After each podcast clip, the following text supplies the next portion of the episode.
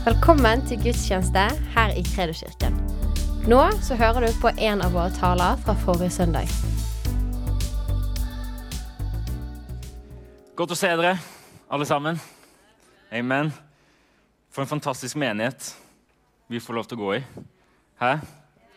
Det, jeg elsker det at jeg går i en menighet som eh, vil noe mer. Amen. Som vil se noe mer. At vi har en Tanja som kommer opp her midt i lovsangen og bare kjører på. Jeg er glad for at jeg går i en sann menighet. Amen. Um, Jeg kan si det at ordet som jeg har fått for i dag, eh, og det her skal vi snakke om de neste tre ukene, det er ordet frihet. Frihet. Ehm, jeg kjenner på det at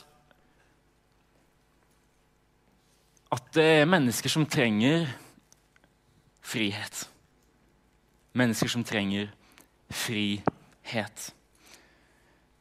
Skal vi ta oss og be sammen, så legger vi de neste minuttene i Guds hender. Så kjære far, jeg takker deg for at du er her. Jeg takker deg for at du tar ikke sommerferie. Takker for at vi kan samles her, og at ditt nærvær er her. Og jeg ber i dag om at du skal eh, snakke gjennom meg, sånn som jeg tror du har snakket til meg. Jeg ber om at ordene som jeg sier, ikke bare skal være informasjon, men at det også skal lede til transformasjon i våre liv. Jeg takker deg for din frihet. Takk for at du har satt oss fri. Hjelp oss til å ta imot. Amen. Amen. Amen. Er dere klare? Vi skal dykke ned i Guds ord. Det er godt. Guds ord, det er tingen. Eh, for to uker siden så hadde vi en fantastisk eh, konferanse her med Ankit eh, Saivan. Og altså, det som ble forsynt Nå var det sånn at det var tredje gangen han var her. Og for min del så var det som at, at denne gangen så, så traff det ikke på en måte bare hodet, men det traff også hjertet på en annen måte. Og jeg kjenner fall at etter en sann konferanse at det er det livet jeg har lyst til å leve. Skjønner du hva jeg mener? Det er livet i tro. Det er det livet som jeg har lyst på. Og Det som spesielt traff meg i denne konferansen, det, her, det, var, det var det her med glede. At vi er nødt til å glede oss i Herren. Vi kan jo ikke være frelst ved nåde, og så er vi de mest triste menneskene på jord. Så denne uken her Og, og, og helt ærlig, jeg, vi, vi, har snakket litt om det, at vi ønsker å bevare noe av det vi har fått. Denne gleden, Vi ønsker å bevare det her i Kredoskirken. Og det jeg tror, er at det starter i hjemmene våre. Så denne uken her så har jeg sammen med Eden den, altså en time i strekk. Hun ligger flat etterpå, hun er så sliten. Så har vi bare prist Gud. Tatt på en sånn joy-sang, hoppet rundt. Oh, Ena opp med hendene. Jeg lærer Eden hvordan hun skal prise Gud. Så sier, så sier jeg 'Jesus', og så sier Eden 'Jesus'. Jesus, Jesus. Amen. Men det har løftet opp min sjel. Det er umulig å ikke være glad når du bare setter på en sang og begynner å prise Herren og takke Han. Amen. Han er god. Han er god.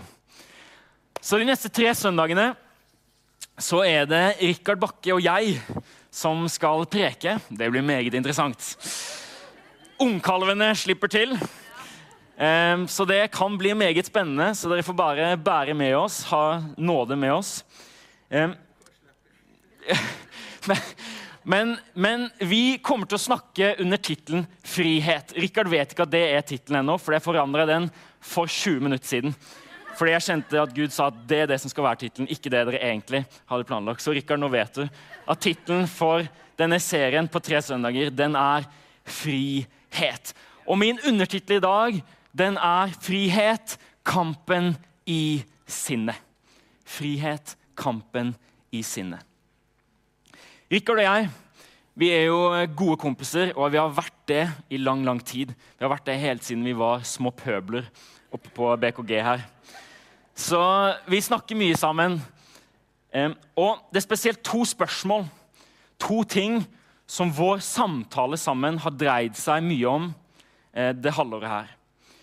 Og Det ene spørsmålet det har vært hvordan kan vi leve liv som er helt i tråd med det Gud ønsker for oss. Og Jeg tror det bunner i en lengsel, og vi var inne på det her. altså Det bunner i en lengsel etter at vi vil noe mer med våre liv. Er det noen som kan kjenne seg igjen i den lengselen? At vi vil noe mer med våre liv. Det andre spørsmålet som vi har diskutert mye, det er hvordan kan vi hjelpe andre til å gjøre noe mer med sitt liv? Rikard er ungdomspastor her i menigheten, og han gjør en fantastisk jobb. Eh, og Jeg har vært litt innom der, var med på vinterleir, vært inne og forsynt. Og, og, det vi har snakket om er Hvordan kan vi faktisk hjelpe disse ungdommene til å leve liv fullt i etterfølgelse av Jesus? For dere vet det at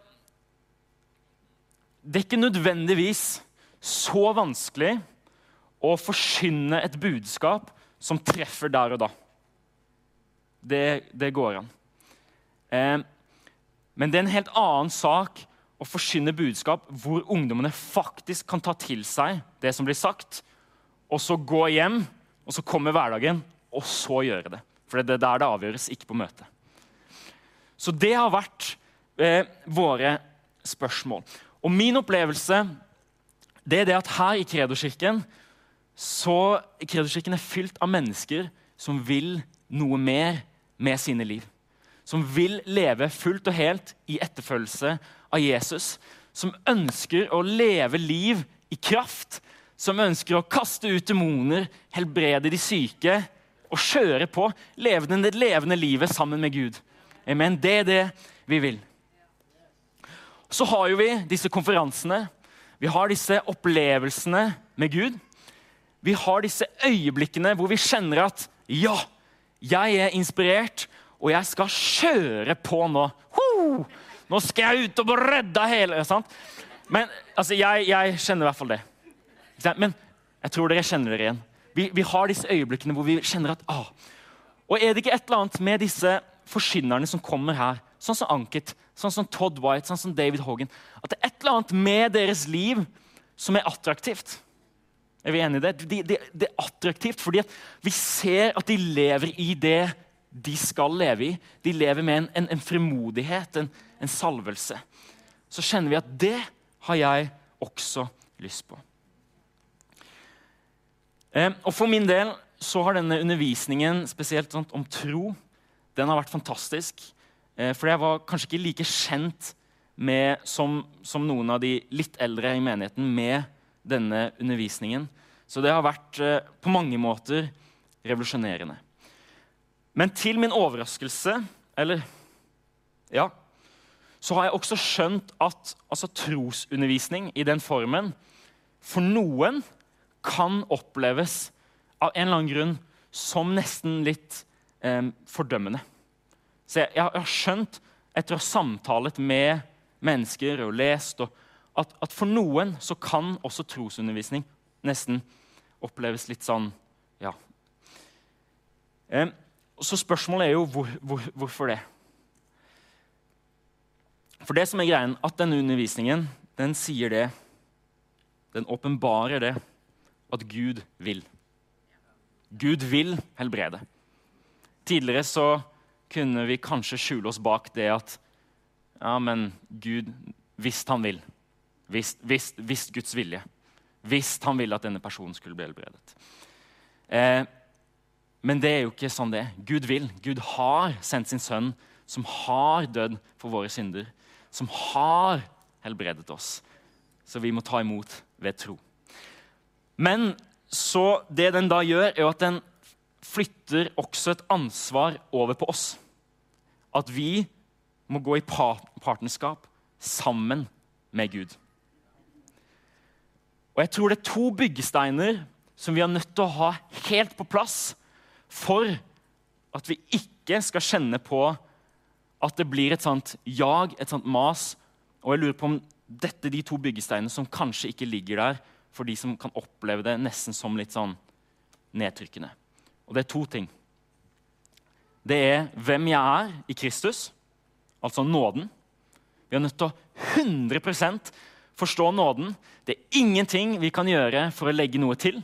Vi kan bare ta imot. Vi er frelst av nåde ved tro alene. Ingen gjerning. Ok? Det er grunnmuren. Det er grunnmuren. Den andre sannheten som vi er nødt til å ha helt på plass, og her tror jeg det er kanskje flere eh, som, som har slitt, og det er at Gud er god. Gud er en god far. Og de to tingene har nødt til å være på plass. Det som er saken, er at vi har en fiende. Og det siste han ønsker, det er at vi skal leve ut det som Gud har for livene våre. Bibelen sier det at når et, et såkorn blir sådd, sånn som på denne konferansen, så kommer fienden straks for å røve det. Han kommer for å ta det. På samme måte når du, hvis du har en opplevelse med Gud, en åpenbaring, så kommer fienden, så forsøker han å ta det såkornet som har blitt sådd. Når ungdommene på leir tar et valg om at de ønsker å følge Jesus Når de kommer hjem, så kommer fienden, så forsøker han å ta det såkornet som har blitt sådd. Og om han ikke kan ta troen vår, så vil han i alle fall forsøke å tynge oss ned, holde oss tilbake. For han vet at hvis han kan holde oss tilbake, så kan vi ikke være med å utbre Guds rike. Og jeg synes Det er interessant det at Jesus sier i Lukas 10,2.: Høsten er stor, men arbeiderne er få. Høsten er stor, men arbeiderne er få. Det vil altså si at, at det er mange der ute som trenger å høre evangeliet. Det er mange som trenger å høre at Gud er en god far. Men det er likevel ganske få som kanskje er villige til å gå ut, og som er villige til å faktisk følge etter Jesus og gjøre disipler og kaste ut demoner og helbrede de syke. Så Mitt spørsmål i dag Nå, nå vil jeg ikke at dette skal bli for, for nedtynget. Men spørsmålet mitt det er Hvordan er det fienden angriper oss? Nå ble det en litt sånn rar sånn ekko i lyden her. Jeg vet ikke om det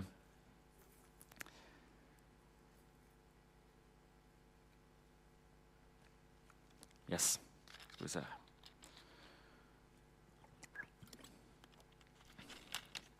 Ok, Så spørsmålet det er hvordan angriper fienden oss? På slutten av 400-tallet så gikk en mann ved navn Evagrus Ponticus. Det er et kult navn. Evagrius Ponticus. Hvis jeg får en sønn, da skal jeg kalle han Evagrius Ponticus. Evagrius, kom hit! Ja. Eh, men Evagrius Ponticus han var en munk, og han dro ut i ørkenen i Egypt for å kjempe mot djevelen. Det er en heftig oppgave. Han hadde lest beretningen om Jesus, om Jesus sin kamp mot fienden. Og han tenkte ved seg selv at det skal jeg også gjøre. Jeg skal følge hans eksempel, så jeg skal gå ut og kjempe mot djevelen. Og Det tok ikke lang tid før Evagrus og hans kamp mot fienden ble kjent på den tiden. Og ryktene tilsa at Evagrus vant kampen. Og Like før Evagrus døde, så var det en annen munk, en medmunk eh, av Evagrus, som sa at det du har lært av dette her, må du skrive ned. Så det resulterte i en bok, og den boken heter så mye som eh, Amonaistic Handbook for Combating Demons. Talking Back, Ammonaistic Handbook for Combating Demons. Det er litt av en tittel. Den kan faktisk kjøpes på Amazon. Jeg har søkt. det. Og Nå kan vi le av det, men faktisk så eh, la denne Evagrus grunnlaget for mye av læren om hvordan man håndterer dette med demoner. Det som er interessant, er nå kan vi tro at det, hva, altså, hva, hva, hadde han skrevet i denne boken? Sant? Vi vet at det er ulike, ulike kirketradisjoner opp gjennom tiden som har drevet med det ene og det andre, og det er salt, og det, det er mye rart. Men, men, han, men han skriver det her at, at kampen mot fienden det er en kamp mot det han kaller for logissimoi. Og logissimoi, det betyr tankene. Kampen mot fienden, det er en kamp mot tanken, tankemønstrene og det han kaller for den indre historien. Kampen mot fienden, en kamp mot den historien som du forteller deg selv i ditt eget sinn. Og jeg tror nemlig det, at kampen om våre liv, kampen om vår frihet, den kjempes svært ofte her. For saken er at vi står i en kamp. Vi står i en kamp. Vi er en del av Guds rike, men så er det også et annet rike som kjemper imot Guds rike. Og jeg tror det er viktig at vi er bevisst på at det finnes en kamp. Efeserne 6,12 sier at for vi har ikke kamp mot kjøtt og blod, men mot maktene, mot myndighetene, mot verdens herskere i dette mørket. Mot ondskapens ånde her i himmelrommet. Så kampen kjempes altså ikke hovedsakelig der ute. Noen ganger så blir vi distrahert, og så ser vi kun der ute. Nei, kampen den kjempes også her inne. Rett her. Så la oss se hvordan fienden angriper oss ved å gå til første Mosebok, kapittel 3. Vi skal lese om hvordan fienden angrep Eva. Så første Mosebok, kapittel 3, 3-6.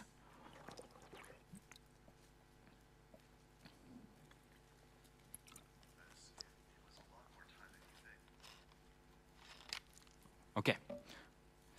La oss lese. Slangen var listigere enn noe annet dyr Herren Gud hadde gjort på marken. Han sa til kvinnen, 'Har Gud virkelig sagt:" 'Dere skal ikke spise av noe tre i hagen.' Men om frukten på treet som er midt i hagen, har Gud sagt:" 'Dere skal ikke spise av den og ikke røre den, ellers skal dere dø.' Da sa slangen til kvinnen, 'Dere skal slett ikke dø.' For Gud vet at på den dagen dere spiser av det, vil øynene deres bli åpnet. Dere vil bli slik som Gud og kjenne godt og ondt. Da kvinnen så at treet var godt å spise av, at den var en lyst for øynene og et tre til begjær, siden det kunne gi forstand, tok hun av frukten og spiste. Hun ga også sin mann, som var hos henne, og han åt. Og jeg har lyst til å vise dere Det er to ting som fienden hovedsakelig angreper. Det første fienden gjør, det er at han sår en tanke i Eva, og så stiller han spørsmålstegn til hvem Gud er. For, han, han sier, 'For Gud vet at på den dagen dere spiser av det, vil øynene deres bli åpnet.' Så fienden sår altså en tanke i Eva om at Gud han holder noe bort ifra dere. Det er noe der ute som er godt, som kun Gud har adgang til, som dere ikke ser. Han sår en tvilstanke om Gud er god eller ikke. Det andre fienden angriper, det er identiteten til Eva. Han sier det. Dere vil bli slik som Gud og kjenne godt og ondt. Fienden angriper altså identiteten til Eva og sier at den identiteten du har fått av Gud, den er ikke nok. Og så frister han Eva til å forsøke å ta på seg den samme identiteten som fienden en gang forsøkte å ta på seg selv. Fienden var ikke fornøyd med den identiteten han var blitt gitt av Gud. Så han prøvde å heve seg over og bli som Gud. Det samme gjør han med Eva. Han setter spørsmålstegn til hennes identitet. Så hva er det fienden gjør? Han sår en tanke.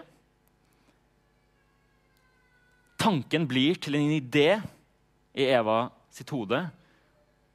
Så blir den moden, og så går Eva og gjør synden. Så fienden angriper altså to ting. Fienden angriper hvem Gud er, og hvem Gud sier at vi er. Og det jeg tror, dessverre, det er at mange kristne i dag av en eller annen grunn undervurderer, og om ikke undervurderer, feilvurderer hvordan fienden angriper oss. Hvordan fienden forsøker å holde oss tilbake. Du vet, Når vi leser denne historien i eh, Første Mosebok om slangen her, pga. kanskje film osv., så I mitt hode i hvert fall, så, så kommer slangen sånn. Ikke sant? Han kommer på den måten der. Jeg kan garantere deg at slangen kom ikke på en sånn måte. For det er veldig lett å avsløre. Ikke sant? Hvis han kom sånn, så, så hadde altså, Når fienden kommer på den måten, så er jo det ekstremt lett å vite at det er fienden som kommer. Fienden er mye, mye smartere enn det. Nå skal ikke jeg lese for mye inn i historien, men jeg ser for meg at, at kanskje slangen var, bare holdt seg litt sånn rundt Eva, kanskje i noen dager. Kanskje noen uker holdt seg litt rundt. Eva ble vant med at den var der. Kanskje Eva ble så vant til å ha slangen rundt seg at hun begynte å klappe slangen. Kanskje hun hadde han som et kjæledyr og bare Ja, de var med dyrene. Kanskje. Og så plutselig en dag så bare spør han ett spørsmål. Hva med det treet der borte? Hva med det treet? Jeg vet ikke. Nå skal ikke vi lese for mye inn i historien her, men, eh, men dere skjønner hva jeg mener. Så det fienden vil angripe for å holde oss tilbake, det er altså vår identitet. Hvem vi er. Og Jeg vet ikke om noen her noen gang har gjort noe galt. Jeg har gjort noe galt én gang før. Neida. Jeg har gjort noe galt flere ganger. Men om du har noen gang har gjort noe galt, så er sannsynligheten for at du har kjent på skyldfølelse stor. Og skyldfølelse det er i de fleste tilfeller en god ting. Hvis du har gjort noe galt, så er det en god ting at du, at du kjenner på skyldfølelse. Hvis jeg behandler Sharon feil, så ber jeg om at jeg skal kjenne på skyldfølelse. For det skyldfølelse, det vil si at min samvittighet har reagert. Og så har den sagt til meg at det du gjorde der, det var galt. Og så gir det meg en mulighet til å rydde opp i det jeg har gjort galt. Men når vi har gjort noe galt, det fienden kommer med, som skiller fra skyld, det er at fienden kommer med skam. Og Forskjellen på skam og skyld det er at skyld sier at det du gjorde, var feil, for det var feil. Skam sier at du er feil. Skyldfølelse sier at det du så på der, det var ikke bra. Skam sier at du er et monster som i det hele tatt kan se på det der. Du kommer aldri til å bli fri. Det er sånn fienden kommer og sår løgn inni oss. I vårt hjem mitt og Sharin sitt hjem, så har vi jobbet med én ting. og det er At vi unngår ord som alltid og aldri. Jeg hadde en, en uvane av, det, av, å gjøre det lenge. Vi, kanskje vi kom opp i en, en, en diskusjon, eller noe sånt, og så sier jeg Sharon, du gjør jo aldri det! Du gjør alltid på den måten der. Dagen før så hadde hun jo gjort det motsatte. Så det stemmer ikke. Men idet vi sier 'aldri' og 'alltid', så går vi over fra å si at 'det du gjorde, fikk meg til å føle meg på den og den måten', til å si at 'du er på den måten', og så angriper vi identiteten.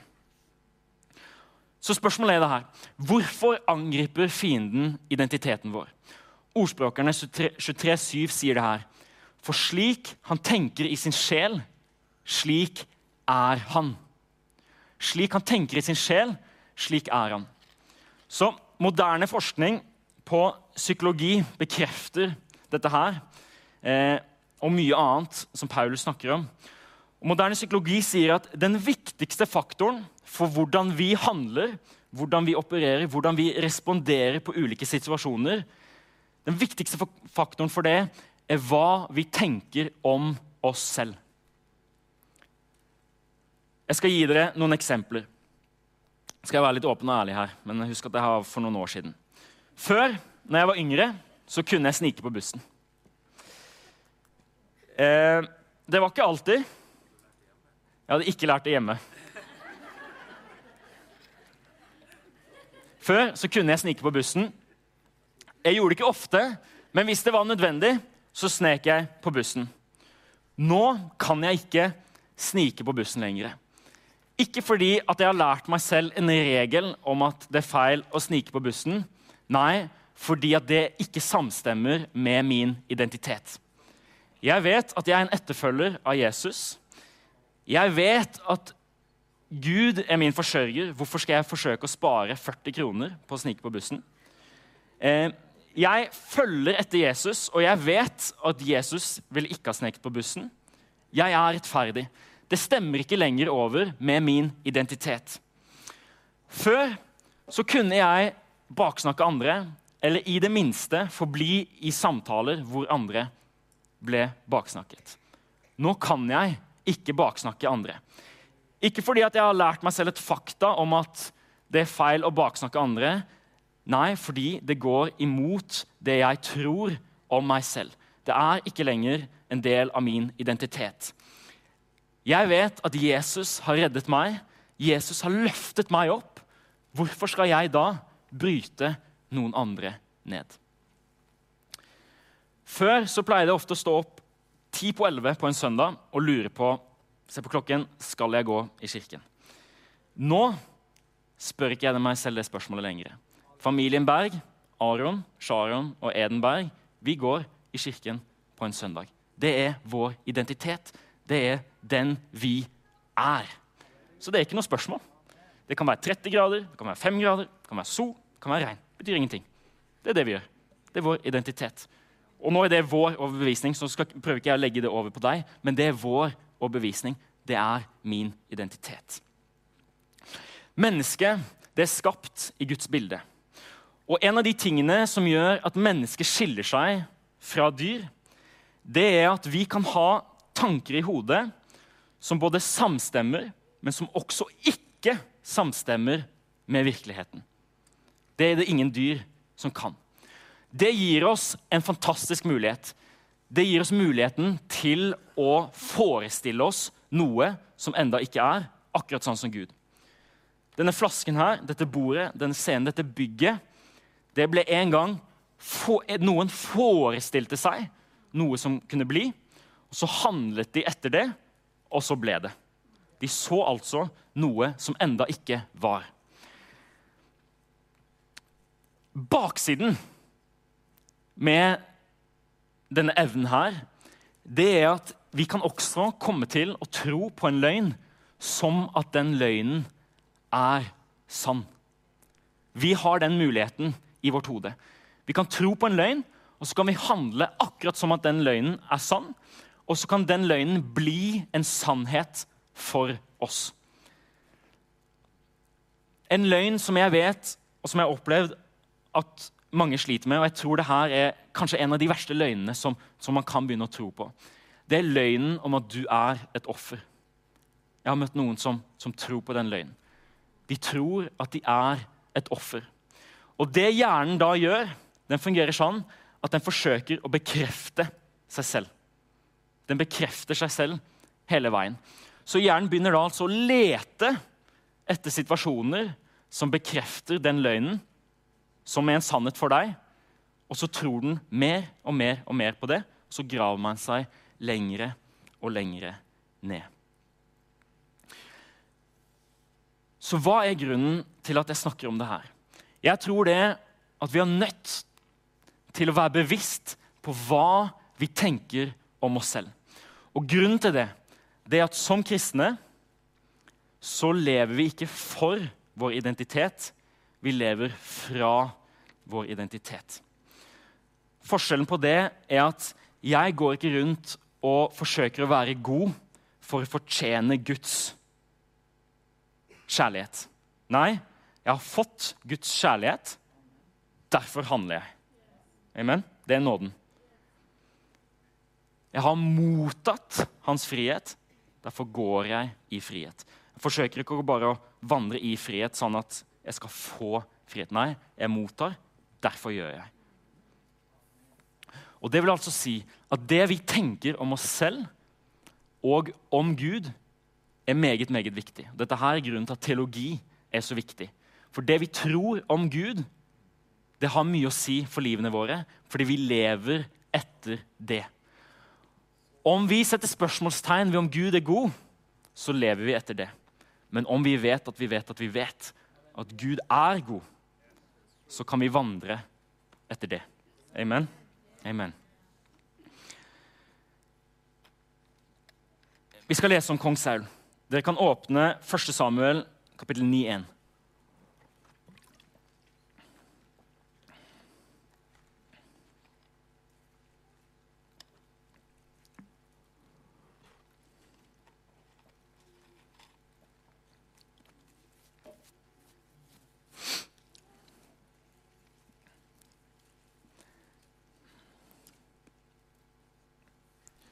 Skal gi dere litt kontekst her.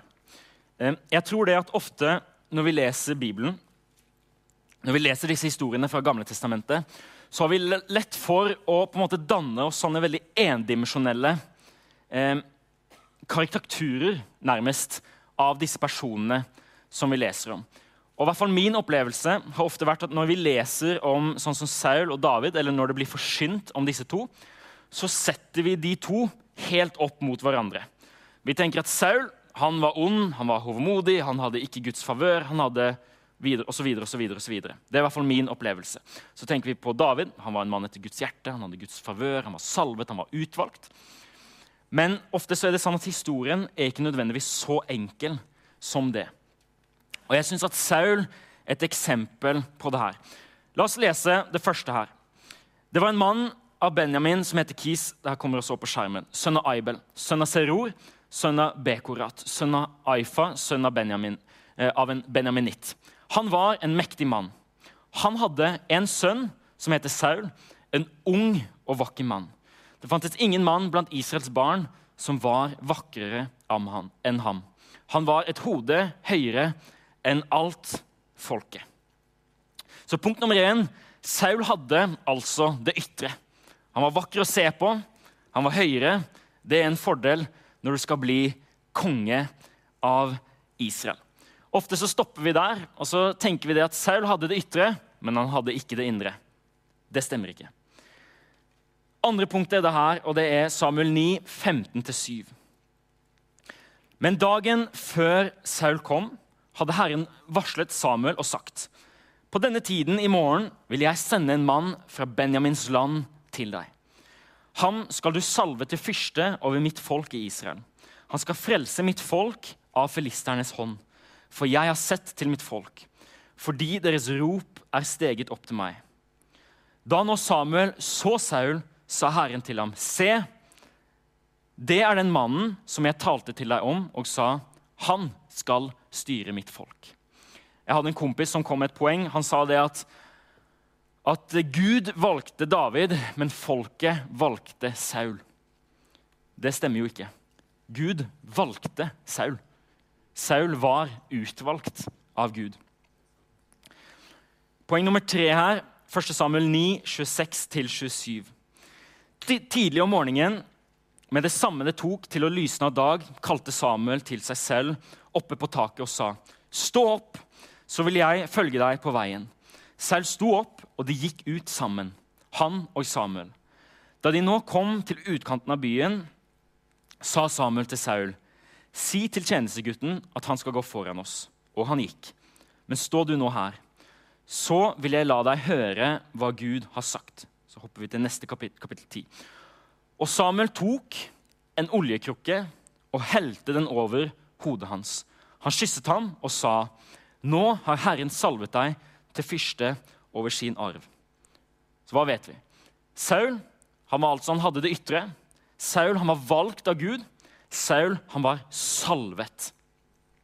Så er det noe veldig interessant. 1. Samuel, kapittel 10, 6-10. Og Herrens ånd skal komme over deg, så du skal profetere sammen med dem og bli til et annet menneske. Når du ser at disse tegn inntreffer, da skal du gjøre det som ligger deg for hånden. For Gud er med deg. Gå foran meg ned, dit, ned til Gilgal, så skal jeg komme ned til deg og ofre brennoffer og fredsoffer. Du skal vente i sju dager inntil jeg kommer til deg. Da skal, jeg, da skal jeg la deg få vite hva du skal gjøre. Da når Saul vendte seg og gikk fra Samuel Hør på dette her. Da gav Gud ham et annet hjerte. Og samme dag gikk alle disse tegnene i oppfyllelse. Da de kom til Gibea, kom en flokk profeter mot ham. Da kom Guds ånd over ham, og han profeterte midt iblant dem. Hva vet vi? Saul han var valgt av Gud. Saul han hadde det ytre. Saul han var salvet. Saul hadde fått et nytt hjerte. Guds ånd var over Saul. Et poeng her er at Saul var også ydmyk. 1. Samuel 10, 15-16. Da sa Sauls onkel, 'Kjære, fortell meg hva Samuel sa til dere.' Saul svarte sin onkel. Han fortalte oss at eselhoppene var funnet, men det som Samuel hadde sagt om kongedømmet, fortalte han ham ikke. Så Saul er altså vis i det at han har blitt salvet til konge, men han går ikke ut og forsøker i egen kraft å samle en hær og bare dure på fremover. Det er det jeg hadde gjort. Nei da. Poeng til. Bekreftet. Og her, jeg, her, vil jeg highlighte noe. Så lot Samuel alle Israels stammer gå frem, og loddet falt på Benjamins stamme. Så lot han Benjamins stamme gå fram etter sine etter, og loddet falt på Matris ett. Deretter falt loddet på Saul, Kis sønn. Så Samuel samler altså folket, og så kaster de lodd, og loddet havner på Saul. Sannsynligheten for det er jo mikroskopisk. Så Gud bekrefter altså foran hele folket at det er Saul som skal bli konge. Men så, følg nøye med her. Og så står det Og de lette etter ham, men kunne ikke finne ham. Da spurte de igjen Herren, er mannen kommet hit? Herren svarte, se, han holder seg skjult ved forsyningene. Da sprang de dit og hentet Saul, stakkars Saul, og han gikk fram midt iblant folket. Han var et hode høyere enn alt annet folk. Og Samuel sa til hele folket, ser dere, ham Herren har utvalgt. Det er ingen som han i hele folket. Da jublet hele folket og ropte, kongen leve. Hva vet vi? Saul han er utvalgt. Saul han er bekreftet. Saul han er ydmyk. Saul har fått et nytt hjerte. Guds ånd er over Saul. Men som vi ser her, så ser det ut til at det finnes en eller annen usikkerhet i Saul. Punkt nummer syv stadfestet. Det går ett år, og så kommer filisterne og angriper Israel. Saul han tar mot til seg, så samler han Israel, og så går de til krig og overvinner eh, ikke filisterne, unnskyld, ammonittene. Og da står det, Etter det så står det Da gikk hele folket til Gilgal. Der i Gilgal gjorde de Saul til konge for Herrens åsyn. De ofret fredsoffer for Herrens åsyn, og Saul og alle Israels menn gledet seg meget. Saul visste altså at Gud var med ham, at Gud gav ham seier. Hva vet vi? Saul han hadde det ytre. Saul var valgt av Gud. Saul var salvet. Saul hadde fått et nytt hjerte. Guds ånd var over Saul. Gud var med ham. Han var ydmyk, han var bekreftet, og han var stadfestet som konge. Han hadde alle disse tingene. Men av en eller annen grunn så går det fullstendig galt for Saul. Og Det jeg prøver å forsøke å vise deg her nå, det er at, at Saul var, altså, Det var ikke sånn at han var elendig helt fra starten av. At han var denne hovmodige mannen som bare det, det, er ikke faktum. Dette er realiteten. Dette er en beretning om hva som faktisk skjedde. Det var ikke sånn Saul begynte. Så spørsmålet er hva gikk egentlig galt for Saul? Vi skal fortsette å lese. Eh, Ombi, kanskje du kan komme opp? Er Ombi her?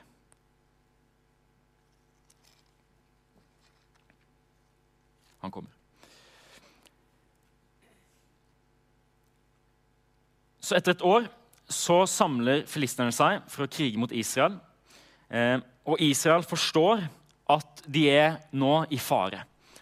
Og hæren til Saul den begynner å smuldre opp sakte, men sikkert. Og så gjør Saul en gedigen feil. Og det står Jeg så at folket begynte å spre seg og forlate meg. Og Samuel skulle da komme og ofre for Gud. Men Samuel kom ikke til den fastsatte, tiden, og filisterne samlet seg ved Mikmas. Så tenkte jeg, nå drar filisterne ned mot meg til Gilgal, og jeg har ennå ikke bønnfalt Herren. Da tok jeg mot meg og ofret brennofferet. Så det Saul gjør, det er at han gjør en alvorlig feil. Saul han er salvet til å være konge, men Saul har ikke autoriteten til å være prest. Så i sin usikkerhet, i sin desperasjon, så tar Saul på seg autoriteten som egentlig hørte til Samuel, og så ofrer han fredsofferet til Gud. I kapittel 15 så gjør Saul enda en feil, og da svarer Saul dette her til Samuel. Jeg har syndet. Jeg har overtrådt Herrens bud og dine ord. For jeg var redd folket og gjorde som de sa. Jeg var redd folket og gjorde som de sa. Og en eller annen grunn, jeg husker det at når jeg leste denne historien her ordentlig for seks-syv år siden, så kjenner jeg på en sånn, egentlig en sånn dyp medlidenhet for Saul. Han har det som trengs. Gud er med han, han er salvet. Han ville jo egentlig ikke engang bli konge, men Gud sier nei, du skal bli konge. Og jeg har spurt Gud hvorfor. Du, her kaller du en mann, og så knekker han under presset, og så Stakkars fyr. Men jeg har kjent på en sånn medlidenhet for denne mannen. En sånn ekte medlidenhet. Men jeg hørte en pastor som sa et godt poeng. Og Han sa det at det som skjer i deg, det som skjer i ditt sinn, vil svært ofte manifestere seg utenfor deg. Så om det er kaos oppi her, så vil det ofte til slutt komme ut der. Eh, vi ser det Den siste tiden så er det flere, flere pastorer rundt om i verden som, som har falt. Eh, og jeg har jo gått tre år på Hillsong, og som sikkert flere av dere vet der, så er det også der noen pastorer som har falt. Og det jeg kan si at De pastorene jeg føler noen ganger at vi kan være veldig raske til å peke en finger og så dømme de, og så si ja, de elsket de egentlig Gud. Men det jeg kan garantere deg at de elsker Jesus av hele sitt hjerte. Og de brenner for mennesker. Men når presset blir stort, hvis man da slipper inn lite grann, en liten løgn, bare en liten idé, en liten tanke, så før eller siden, med nok press, så manifesterer det seg utad. Og det er det som er historien til de fleste pastorene. De sier det at 'jeg var tom'. Jeg var tom innvendig. Jeg ga så mye at jeg ble helt tom. Og når du er tom, når du ikke får fylt deg med Guds ord, når du ikke får fylt deg med Guds ånd, så kommer fienden og får plass. Og når man da står med ansvaret for 100 000 mennesker i en kirke, så, så er det det som skjer. Så hva vet vi? Kampen om ditt liv, den befinner seg her. I ditt sinn. Og nå, nå, har det vært mye snakk om eh, stakkars Saul og fienden, og så jeg har ikke lyst til at vi skal avslutte her nede. Grunnen til at jeg forsyner om dette her, at jeg tror det første steget til å vinne kampen inn i sinnet, det er jo faktisk å møte på kampen. Vi må jo møte opp på kampen. Hvordan skal vi vinne en krig som vi ikke engang vet at foregår, eller som vi tror at er et helt annet sted. Så det er det første vi har nødt til å gjøre. Vi har nødt til å bli bevisst på at det er en kamp om våre liv i vårt sinn. Så spørsmålet mitt til deg i dag, det er hva tror du om deg selv? Hva tror du om deg selv? Kan det være at fienden har fått sådd noen tanker som har fått blitt til ideer, som har blitt til mønstre som du lever etter, og som holder deg tilbake? Som gjør at når du kjenner på den begeistringen som, som jeg har kjent på når vi er her på konferanse, når jeg kjenner på den ja, jeg skal ut, jeg skal kjøre på Men så er det akkurat som om noe som kommer og bare holder meg litt tilbake. Så det er punkt nummer én. Det er vær bevisst. Det andre vi er nødt til å gjøre, det er at vi er nødt til å bytte ut løgnen med sannhet. Amen. Vi er nødt til å bytte ut løgnen med Guds ord, for Guds ord er sannhet. Og det her har vi fått banket inn i oss dette året her. Guds ord er sannhet, og sannheten setter oss fri. Amen. Men jeg har lyst til å komme med en, med en, med en nyanse i dette her. Vi ser at når Jesus er i ørkenen og blir fristet av fienden, så kommer fienden og angriper med sine løgner. Det som er veldig spesielt med Jesus, det er at Jesus er ikke bare bevisst på sannheten. Jesus kan sannheten, men Jesus vet også om løgnen. Gir det mening? Er dere med? Jesus vet ikke bare om sannheten. Sant? Det er sannheten han svarer med, men han er også fullt klar over hvilken løgn fienden forsøker å komme med. Og det er der jeg tror at vi kanskje noen gang har ikke vært bevisste nok. At vi, vi fyller oss med sannheten, men det er også et element av at vi må være bevisst på løgnen.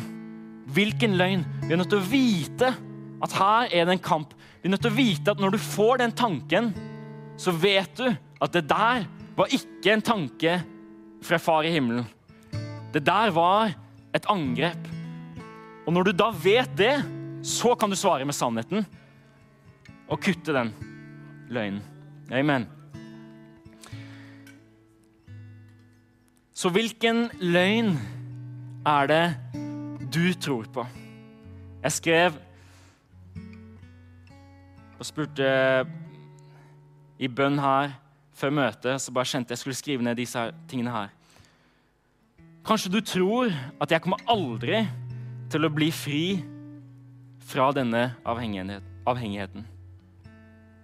Sannheten er at til frihet har Kristus frigjort deg. I Kristus så er du fri. En annen løgn som eh, jeg fikk opp, var ja, jeg har tatt imot frelsen, men med den fortiden som jeg har, så kan ikke Gud bruke meg.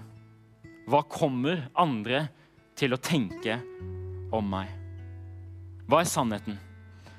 Sannheten er at i Kristus, Jesus, så er du en ny skapning. Du er ikke lenger den du var. Du er ny. Paulus sier det. Ta på deg det nye livet. På deg Kristus. Ta på deg det nye. Det gamle er forbi, og alt er blitt nytt. Amen. Amen. Og det her, det siste her nå opplevde jeg at var et ord til noen. Et direkte ord til noen. Jeg tror at det her er til en mor.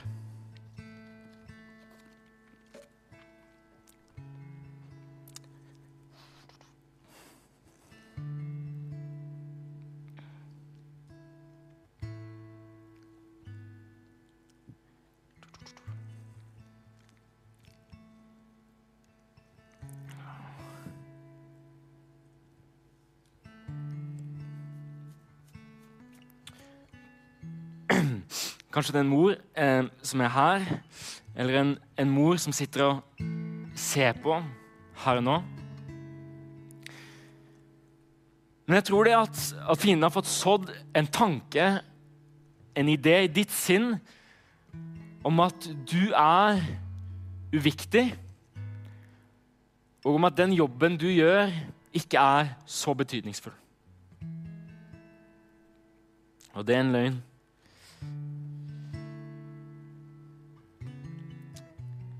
Ordspråkerne 3.56 sier det at Jeg skal lese her på engelsk. Trust in the Lord with all your heart, and do not lean on your own understanding. In all your ways, acknowledge him, and he will make your straight, he will make straight your path. Amen. Så hvis du er den moren, den jobben du gjør, er ikke uviktig. Gud har en plan og en mening for deg. Gud har store ting foran deg. Kanskje du er i denne sesongen her nå hvor du tar vare på barna. Da er det den viktigste jobben du kan gjøre akkurat nå. Men Gud har så mye for deg. Amen. Ok, så jeg har lyst til å komme med et siste poeng. Et siste poeng før vi avslutter. Og det er at de farligste løgnene som vi tror på, det er de som vi ikke vet at vi tror på. Det er den farligste løgnen. Noen løgner er ganske åpenbare. Om du føler at du ikke er noen ting, så er det en åpenbar løgn fra fienden. Men av og til kan det befinne seg løgner i vårt sinn som fienden har fått plantet. Løgner som kanskje vi har vokst opp med, som bare ligger der. Og uten at vi er bevisst på det, så, så er de der, og så styrer de livene våre. Og Jeg har lyst til å gi deg rett og slett en, en metode for hvordan du kan avsløre de løgnene. Og jeg skal bruke meg selv som et eksempel. Ofte når jeg er ute på gaten, eller bare når jeg ja, er ute og, og gjør det jeg gjør, så minner Den hellige ånd meg på mennesker som jeg ser. Så jeg ser noen, og så opplever jeg at Den hellige ånd sier at du skal snakke med det mennesket. Og da får jeg vondt i magen med en gang. Eh, og det skjedde nå her Jeg var i Oslo. Jeg syklet på en sånn bysykkel. Så så jeg en mann som het Ali. Jeg syklet forbi han. Jeg følte at Den hellige ånd sa du skal snakke med Ali. Og jeg får jo vondt i magen og blir redd. Eh, så jeg sykler videre. Sykler helt ned til operaen. Forsøker å levere fra meg sykkelen. Men det er ikke et eneste sted hvor jeg kan plassere den sykkelen. Veldig irriterende. Så jeg blir da nødt til å sykle hele veien tilbake. Og jeg skjønner jo at Gud sier du skal snakke med den mannen der. Så jeg leverer fra meg sykkelen, og så går jeg. Så jeg, så jeg går tilbake, så Vi snakker fem minutter tilbake igjen. Så jeg går tilbake, og i mitt uh, stille sinn så håper jeg at uh, Ali ikke er der lenger. Nei da. Men, men, jeg håper sant, du, du ah, sant. Og der er han. Og det verste er at han er ikke bare der. Jeg står i ro, og Ali kommer gående mot meg. Går en halv meter ifra meg. Og Gud sier at han skal du snakke med. Så eh, ja, så jeg snakker med han. Jeg spør han, tro, jeg spør, jeg spør han rett ut hva, hva, tror du, hva tror du. Han sier at navnet hans er Ali, og at han har vokst opp som muslim. Men det er helt tydelig at Ali har eh, mange arr i sin sjel. Eh, og at han har mye imot all type religion. Så jeg får sagt til Ali at eh, du, jeg har et personlig forhold sammen med Jesus. Det er ikke en religion, men en relasjon. Og jeg får bare delt det at Jesus elsker deg. Ber for ham, og så er jeg ferdig. Han tok ikke imot Jesus der, eller noe sånt. Men jeg fikk gjort det jeg opplevde at jeg skulle gjøre. Og etterpå så kjenner du på en sånn frihet. Yes! Amen. Hellige Ånd, du får brukt meg. Jeg ble brukt.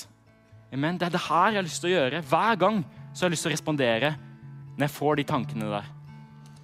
Skjedde for to dager siden også. Fikk en tanke. Så en, en, en jente. Um, hun der må dere snakke med. Ja, så ble jeg redd igjen, da. Og så? Så, ja, og vi kjører av gårde, og så sitter jeg i bilen med Hanna, Rikard og Sharon. Og så sier jeg føler vi burde snakke med den jenten der. Så vi stopper, eh, og så kjenner jeg at å, det her er skikkelig ukomfortabelt. Så det jeg gjør da, da har jeg et triks. Det er at Jeg har en kone som er mye tøffere enn meg. Så jeg sier sånn, du går og snakker med henne. Så hun gikk faktisk ut av bilen og snakket med henne. Ok, Men jeg sier alt dette her for å demonstrere. For jeg begynte å tenke på dette her. Hvilken løgn Hva er det som gjør at jeg kjenner på denne frykten her? Hva er det som gjør at jeg kjenner, Hvorfor kjenner jeg på denne frykten? Det er jo bare frykt for mennesker, akkurat samme som Saul.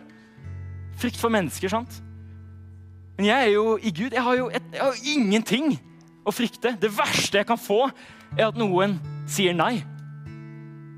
Og får meg til å føle meg dum. Det er det verste som kan skje. Så akkurat nå så er jeg faktisk på en sånn hvor jeg prøver å navigere meg tilbake. Hva er det som ligger bak denne frykten her? Hvilken, hvilken liten idé, hvilken liten løgntanke er det som ligger der? Og når jeg finner ut akkurat hva det er, så kan jeg komme med sannheten. Amen.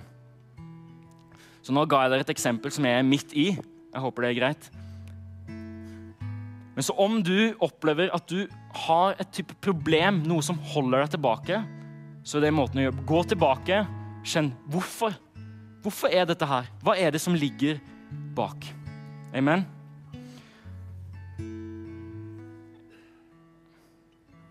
Frihet, frihet, frihet, frihet. Et siste, siste poeng. Og det er kom deg inn i fellesskapet. Kom deg inn i fellesskapet. Vi mennesker er ikke skapt for å leve alene. Når du er alene, så er du sårbar, men i fellesskapet så er vi sterke. Er det ikke bra at hver uke så har du muligheten til å komme hit? Kanskje fienden har fått lov til å så en, en, liten tanke, en liten idé i løpet av uka. Så kommer du her, og så har du en, en kar som Olav som bare preker sannheten så hører du sannheten, og så setter du den deg fri. Så møter du noen som begynner å profetere over deg, så setter sannheten deg fri. Jeg, har sett så mange som tror at de kan leve kristenlivet alene. Det er ingen god idé. Det er ingen god idé. Fienden ønsker å isolere deg, for når du er isolert, da er du også sårbar. Så kom deg inn i fellesskapet. Ta en bestemmelse nå, her i dag, at jeg skal være i fellesskapet. Ikke vent til den dagen du er svak. Bestem når du er sterk, hvem du vil være når du er svak. Så jeg vet det, at hvis jeg noen gang opplever noe i mitt liv som setter meg ut, så er jeg mindre sårbar fordi at min identitet er at jeg kommer her i fellesskapet uansett hva. Uansett så er jeg her. Og så kan jeg bli oppmuntret, kan jeg bli løftet opp, så kan jeg bli satt fri ved Guds ord. Amen. Ok, Skal vi ta oss og lovsynge sammen?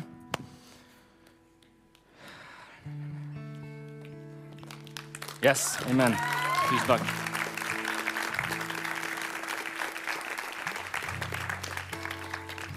Eh, det som jeg har lyst at vi skal gjøre nå når vi lovsynger, det er at du skal spørre Den hellige ånd om å vise deg er det noe i mitt liv.